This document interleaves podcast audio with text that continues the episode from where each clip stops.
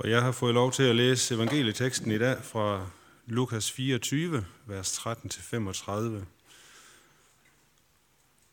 Men den samme dag var der to af disciplene på vej til en landsby, som ligger 60 stadier fra Jerusalem og hedder Emmaus.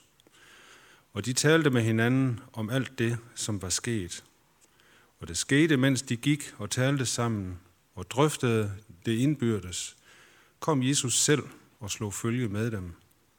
Men deres øjne holdtes til, så de ikke genkendte ham. Han spurgte dem, hvad er det, I går og drøfter med hinanden? De stansede og så bedrøvede ud, og den ene af dem, Kleofas hed han, svarede, er du den eneste tilrejsende i Jerusalem, der ikke ved, hvad der er sket i byen i disse dage? Hvad da, spurgte han. De svarede, det med Jesus fra Nazareth, som var en profet, mægtig i gerning og ord over for Gud og hele folket. Hvordan vores ypperste præster og rådsherre har udleveret ham til dødstraf og korsfæstet ham. Og vi havde håbet, at det var ham, der skulle forløse Israel. Men til alt dette kommer, at det er tredje, i dag er tredje dag, siden det skete. Og nu har nogle af kvinderne iblandt os forfærdet os.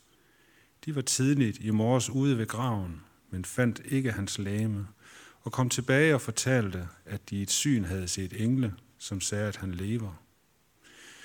Nogle af dem, der var sammen med os, gik så ud til graven og fandt det sådan, som kvinderne havde sagt, men ham selv så de ikke.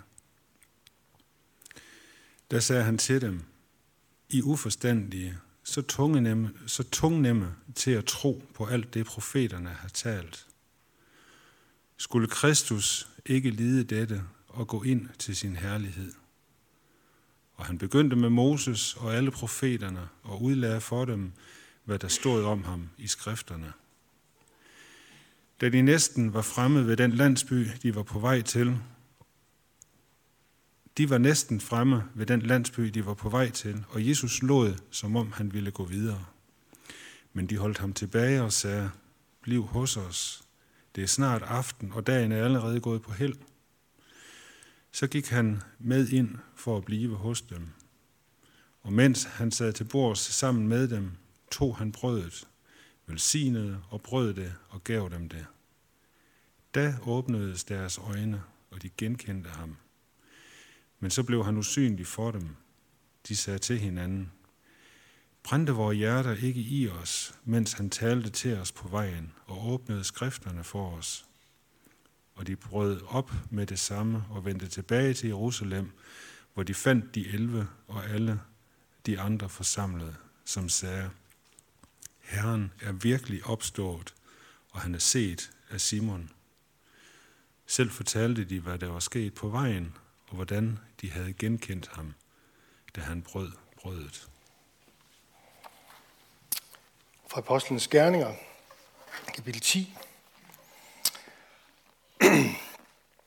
Peters prædiken i Cornelius' hus, så tog Peter ordet og sagde, Nu forstår jeg, at Gud ikke gør forskel på nogen, men at han i et hvilket som helst folk tager imod den, der frygter ham og øver retfærdighed. Det ord det er det ord, Gud sendte til Israels børn, da han forkyndte fred ved Jesus Kristus. Han er alles herre. I ved, hvad der er sket i hele Judæa, det der begyndte i Galilea efter den dåb Johannes prædikede. Hvordan Gud salvede Jesus fra Nazareth med hellig ånd og kraft, og hvordan Jesus færdedes overalt og gjorde vel og helbredte alle, der var under djævelens herredømme, for Gud var med ham. Og vi er vidner om alt det, han gjorde i jødernes land, såvel som i Jerusalem. Ham, som de slog ihjel ved at hænge ham på et træ. Ham oprejste Gud på den tredje dag, og lod ham træde synligt frem, ikke for hele folket, men for os, der i forvejen var udvalgt af Gud til at være vidner. Vi, som spiste og drak sammen med ham, efter at han var opstået fra de døde. Og han befalede os at prædike for folket og vidne om, at det er ham, Gud har bestemt til at være dommer over levende og døde. Om ham vidner alle profeterne, at enhver, som tror på ham, skal få syndsforladelse i hans navn. Sådan lyder Guds ord. Det er jo en lidt anden måde at tale om øh, vidnesbyrd på det her, end det vi er vant til, kan man sige. Fordi øh, når vi har et vidnesbyrd, vi gerne vil dele, så er det i hvert fald, øh, der er langt imellem, øh, at man hører nogen, der sådan siger, jeg har det her vidnesbyrd, at jeg var udvalgt til at møde den opstandende. Det kunne de sige der dengang, men det er deres vidnesbyrd, som kirken bliver bygget på. Og det skal vi være opmærksom på, når vi nu lytter til det. Men lad os lige prøve at tage det i den kronologiske sammenhæng, fordi jeg, altså, begge de her tekster er enormt spændende, og jeg ved, I har god tid her anden påskedag. Bare rolig. Men altså, Lukas øh, beretningen først om Emmaus vandrene. Og Jesus han kommer til, til sine disciple, og de går der og bearbejder deres sorg, og fordi de ikke forstod, hvad der skete. De ved bare, at Jesus er død, så de går og bearbejder deres sorg igennem en analyse af, hvad var det, der skete. Øhm, og øh, så kommer Jesus og slår, slår følge med dem. Øhm, og øhm, der er flere ting i det, men, men læg for eksempel mærke til, hvad det er, han gør. Han stiller dem bare nogle helt enkle spørgsmål. Altså sådan nærmest journalistisk opklarende. Hvad er der sket? Hvad, hvad, hvad, hvad er der egentlig galt? Og så fortæller de ham det. Og på en måde tænker jeg, at det er en form for, altså han lægger på en måde op til bøn. Det er, det er på en måde en fantastisk beretning om bøn. Jesus, han laver så at sige ikke andet end at spørge, hvad er der sket? Og så fortæller de ham, hvad der er sket i deres liv. Mm? Hvad er det, I er optaget af? Og så åbner de op for det. Og det er vel også, hvad bøn er. Og så fortæller de det, der ligger lige for til Jesus. Det kan godt være, at de ikke er klar over, at det på en måde er bøn, de er i gang med. Men øh, jeg tænker ikke, at det er en overfortolkning. Alt deres skuffelse, deres forvirring, deres tvivl, deres frygt, det kommer bare op til overfladen. Og det kommer op til overfladen til Jesus. Og det er vel kristen bøn. Og Jesus han går med dem. Han lytter til dem. Og så bønhører han dem til slut ved at vise sig for dem, hvem han er. For deres øjne holdtes til i første omgang. Men jeg tænker, der er noget i det her, øh, hvor han stiller dem de her spørgsmål, og hvor de så åbner op, som, som, øh, som har hjulpet kristne lige siden at Jesus han møder os som den korsfæstede og opstandende, når vi retter henvendelse til ham. Han spørger dig, hvad er du optaget af? Det spørger han dig også om i dag og i morgen. Hvad er det, der rører sig hos dig indeni? Det er en invitation til at lukke op og fortælle Jesus, hvad der ligger på dit hjerte. Og han er den samme i dag, som han var dengang. Så hermed en opfordring til mig selv og os andre, alle jer. Giv ham din opmærksomhed, udøs dit hjerte for ham.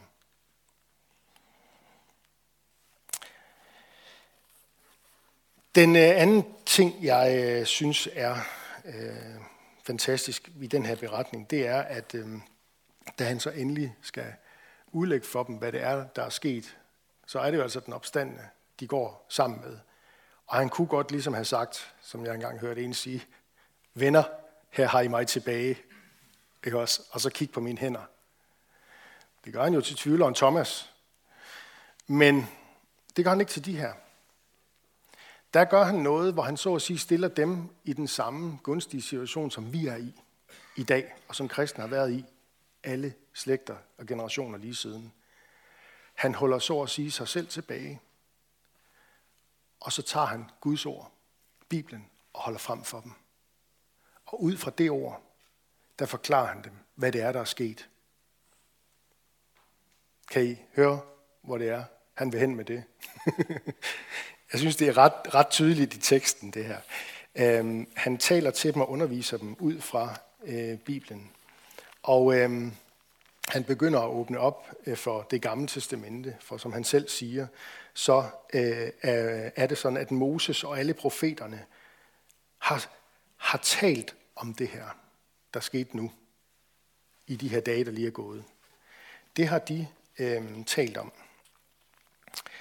Og de tænker, sådan har vi alligevel aldrig fået udlagt skriften. De kan mærke, at der begynder at ske noget i deres hjerter. Igen Det er noget helt grundlæggende for den kristne kirke i alle generationerne efter øh, det her møde på vejen til Emmaus, at Jesus, han møder os, og det bliver til liv for os, når han får lov til ved sin ånd at udlægge og tale om sig selv ud fra de hellige skrifter. Bibelen, som kirken altid har talt om og forstået som værende Guds ufejlbarlige, sande, åndsborgende ord. Han får dem ikke til at tilbe Bibelen, men det bliver alligevel meget tydeligt, at Guds ord er værd at elske og tro på, fordi det er noget særligt. Det er nok skrevet af mennesker, alle mulige forskellige tidsaldre, men nedenunder det, der, der skrev mennesker, drevet af Helligånden, det Gud ønskede, der skulle komme videre til, til, til, til, til dem og til os. Og det bærer så at sige også ånden med sig, det ord. Guds ord og Guds ånd, de to sider af samme sag. Sådan åbenbar Gud sig. Eller som Paulus han skriver, og som bliver til liv for dem øh, på vejen her, og som også er til liv for øh, generationerne efter os, og som også er, er til liv for os i dag. Paulus han skriver, alt hvad der tidligere er skrevet, og det, det er hans måde at tale om, om, om Bibelen på, øh, i det her tilfælde det gamle testamente, alt hvad der tidligere er skrevet, er jo skrevet for, at vi skal lære af det, så at vi kan finde trøst og udholdenhed og håb. Det er store ord.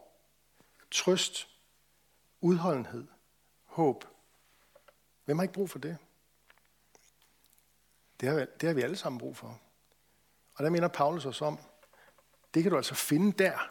Fordi når du, når du leder derinde, så finder du ud af, at det ikke bare er sådan anekdoter fra gamle dage, men lige pludselig så kommer den korsfæstet og træder frem ud af skriften for dig. Den korsfæstede opstandende Herre, Jesus Kristus. Uden ham, der går vi vild og fortabes. Uden Guds ord som fast holdepunkt for troen på Jesus, øh, så finder du hverken fast grund under fødderne eller et mål at sigte efter. Men Guds ord står der. Det har stået der igennem generationer, og det vil stå der indtil den dag, Jesus kommer igen. Den øh, tredje ting, jeg vil øh, nævne for jer, i den her beretning, det er, at øh, da de så kommer frem til deres øh, mål, altså landsbyen, til deres øh, familie, deres hus der, øh, opdager de, at det er gået stærkt, og øh, det er ved at være aftensmadstid, og øh, det begynder også, solen begynder at gå ned udenfor, så vi har også en seng, du kan sove i. Ikke også? Bliv hos os. Tag en bid mad og, øh, og slå dig ned. Og Jesus han siger ja tak, der bliver dækket bord, og de sætter sig. Øhm, og så er det den fremmede, der tager brøden fra, brødet fra kurven og bryder det og beder den øh, velsignelsesbøn, som øh, har lyttet igennem generationer. Lovet være du, Israels Gud, som lader brødet fremgå fra jorden. Sådan beder man også i dag. Ikke? Og da han gør det, i det øjeblik, der genkender de ham. Pludselig genkender de ham. De ser, at det brød, der rækkes til dem, det rækkes frem af en navlemærket hånd. Der er lige pludselig nogle ting, der falder på plads, der da brødet øh, brydes. Det er Jesus, de ser. Og øh, på en måde kan man sige, at det er mere en brød, de får ragt.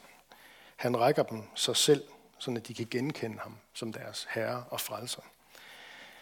Øhm, så der tegner sig et mønster i den her beretning, at Jesus han kommer dem nær. Han kommer dem allerede nær, da han går slår følge med dem. De ved ikke, hvem han er, og han stiller dem spørgsmål. Altså, bøndens verden. Og de åbner op for ham. Han kommer dem nær, da han underviste dem ud fra Guds ord. Og han kommer dem nær nu, da brødet brydes. Langsomt på vandringen igennem livet, der vil vi som kristne blive mere og mere opmærksom på, hvem Jesus er, og hvor stort det er, hvad han det han har gjort. Hvor stor en Gud det er, vi har med at gøre. At universets skaber, han valgte at blive menneske. For at frelse os. For at hele os. For at genoprette os. For at øh, give os håb om evigt liv. For at det, der er det, som han er gået igennem den her påske med øh, opstandelsen, det er noget, han også ønsker at række til enhver, der tror på ham. Håbet om opstandelse og evigt liv.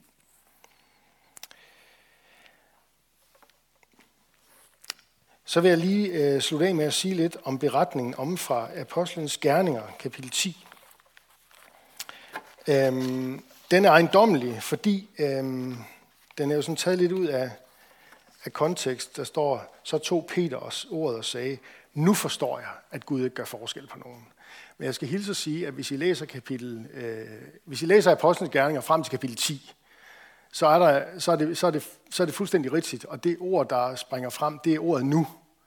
Fordi der er noget, han ikke har fattet i de første ni kapitler. Og der er noget, de første kristne ikke forstod, som Gud, så at sige, var nødt til at tage nogle, nogle alternative metoder i brug for, at, for at få dem til at forstå. Han siger godt nok til dem, Jesus, i starten af Apostlenes Gerninger. Øh, der er jo en beretning, i, det er jo ikke kun i evangelierne, i slutningen af evangelierne, men også i starten, i det første kapitel i Apostlenes Gerninger, møder vi Jesus øh, efter sin opstandelse.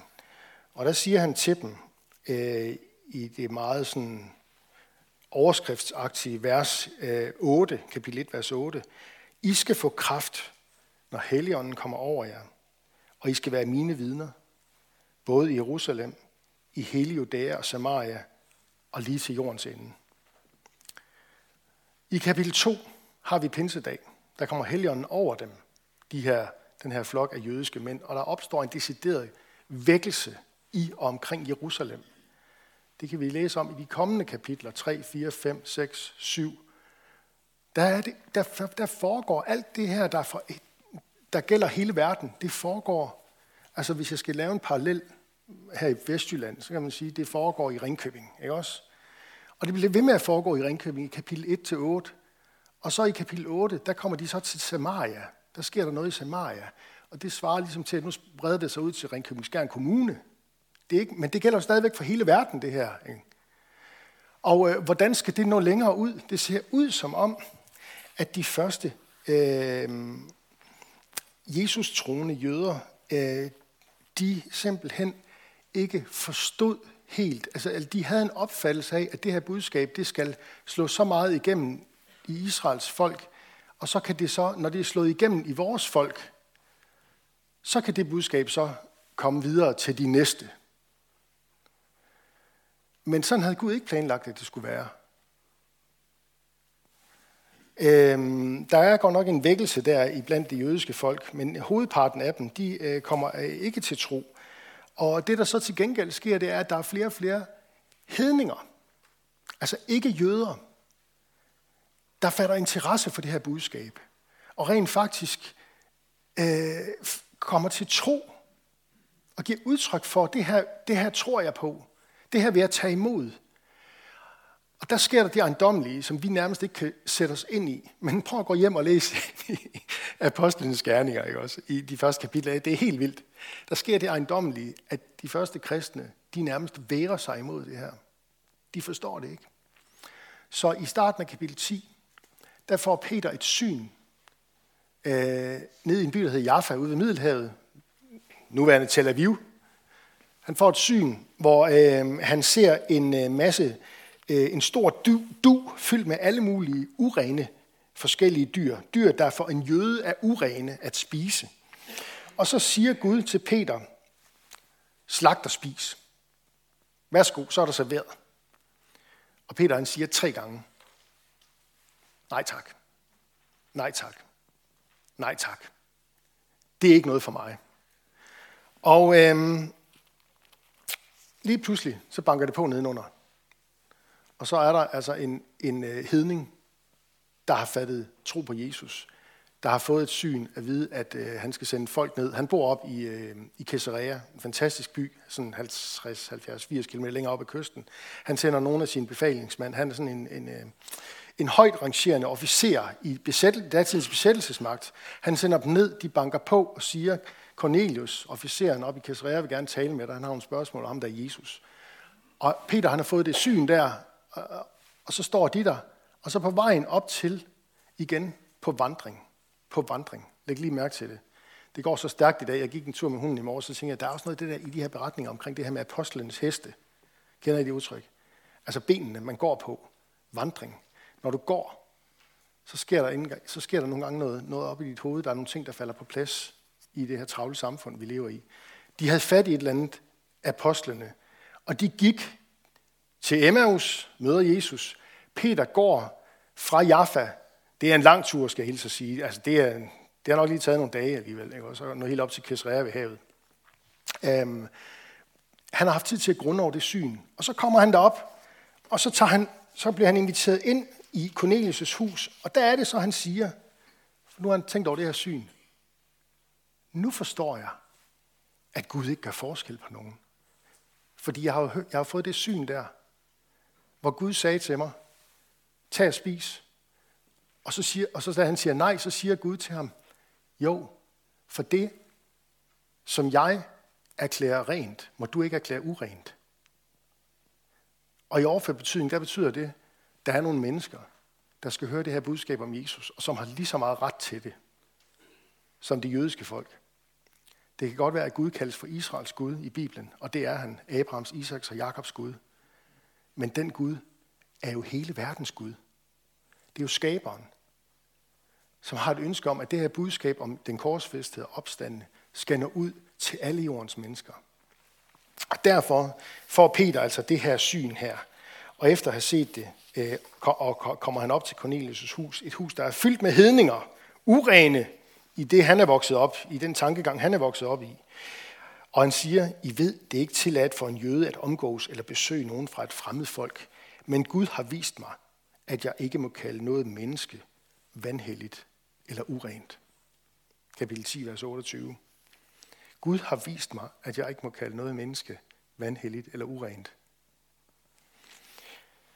Og Peter han siger så, at Gud han tager imod en hver, hvordan er det, han formulerer det, øh, at han i hvilket som helst folk tager imod den, der frygter ham og øver retfærdighed. Det er sådan en, en, øh, en, en jødisk måde, øh, ud fra sammenhængen, at sige, at Gud han tager imod en hver, der vil tilhøre den korsfæstede og opstandende Herre Jesus Kristus. Og så refererer han i kort form, hvad det var, Jesus øh, sagde og gjorde, hvilke undergærninger han gjorde i åndens kraft. Øh, alt det, som vi kender fra evangelierne, øh, som vil understreges i de fire, øh, af de fire evangelister. Og han understreger så, hvordan Jesus på trods af det blev slået ihjel, og ikke mindst, hvordan Gud oprejste ham på den tredje dag. Øhm, ja.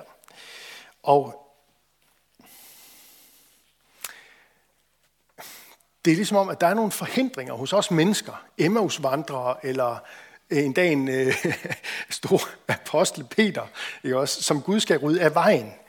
Det er ligesom om, at langsomt på vandringen, og helt bogstaveligt talt på vandringen på vores ben her igennem livet, opfatter vi mere og mere af, hvem Jesus han er. Langsomt på vandringen gennem livet opfatter vi mere og mere af, hvem Jesus han er. Vi fatter mere af omfanget af, hvor stor Gud er, hvor mægtig Gud er, og hvor fuldendt og vidunderlig hans frelse er, og hans frelsesplan er. Det, som Peter giver udtryk for den dag herop i Caesarea, at jo, han er jo alles herre. Og der er ikke noget menneske, jeg må kalde urent. Der er ikke noget menneske, det her budskab ikke gælder. Jesus døde for alle. Den tomme gravs budskab gælder alle. Og den, som tror det, frelses fra fortabelsen. Uden troen på Jesus, der er der ikke nogen tilgivelse. Der er der ikke noget håb for fremtiden. Men påsken er et budskab til mennesker overalt, i alle folk, til alle tider. Tro på Jesus. Det er ham, der er Guds søn og verdens frelser. Eller sagt med Peters ord til slut der, han siger, at det er Jesus, Gud har bestemt til at være dommer over levende og døde. Om ham vidner alle profeterne, at enhver, som tror på ham, skal få syndsforladelse ved hans navn. Enhver, som tror. Sæt din tillid til den korsfæstede og opstandende. Lad os bede sammen.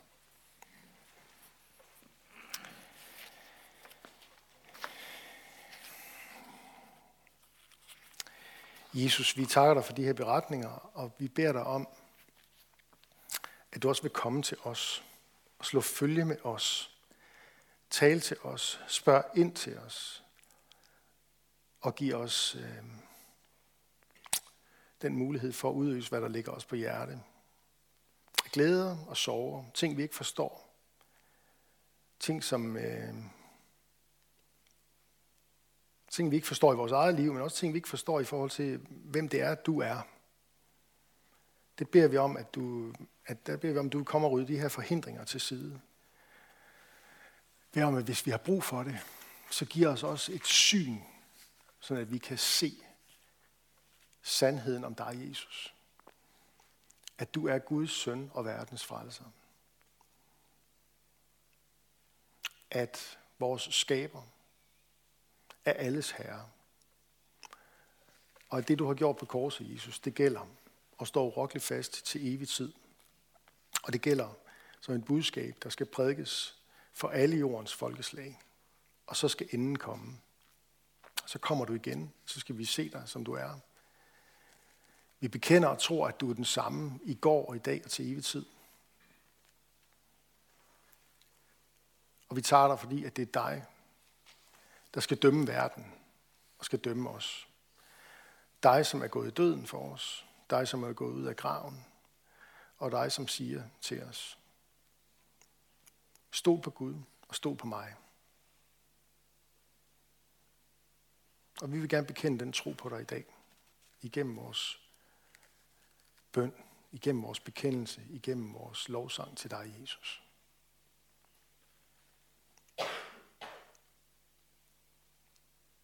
I dit navn. Amen.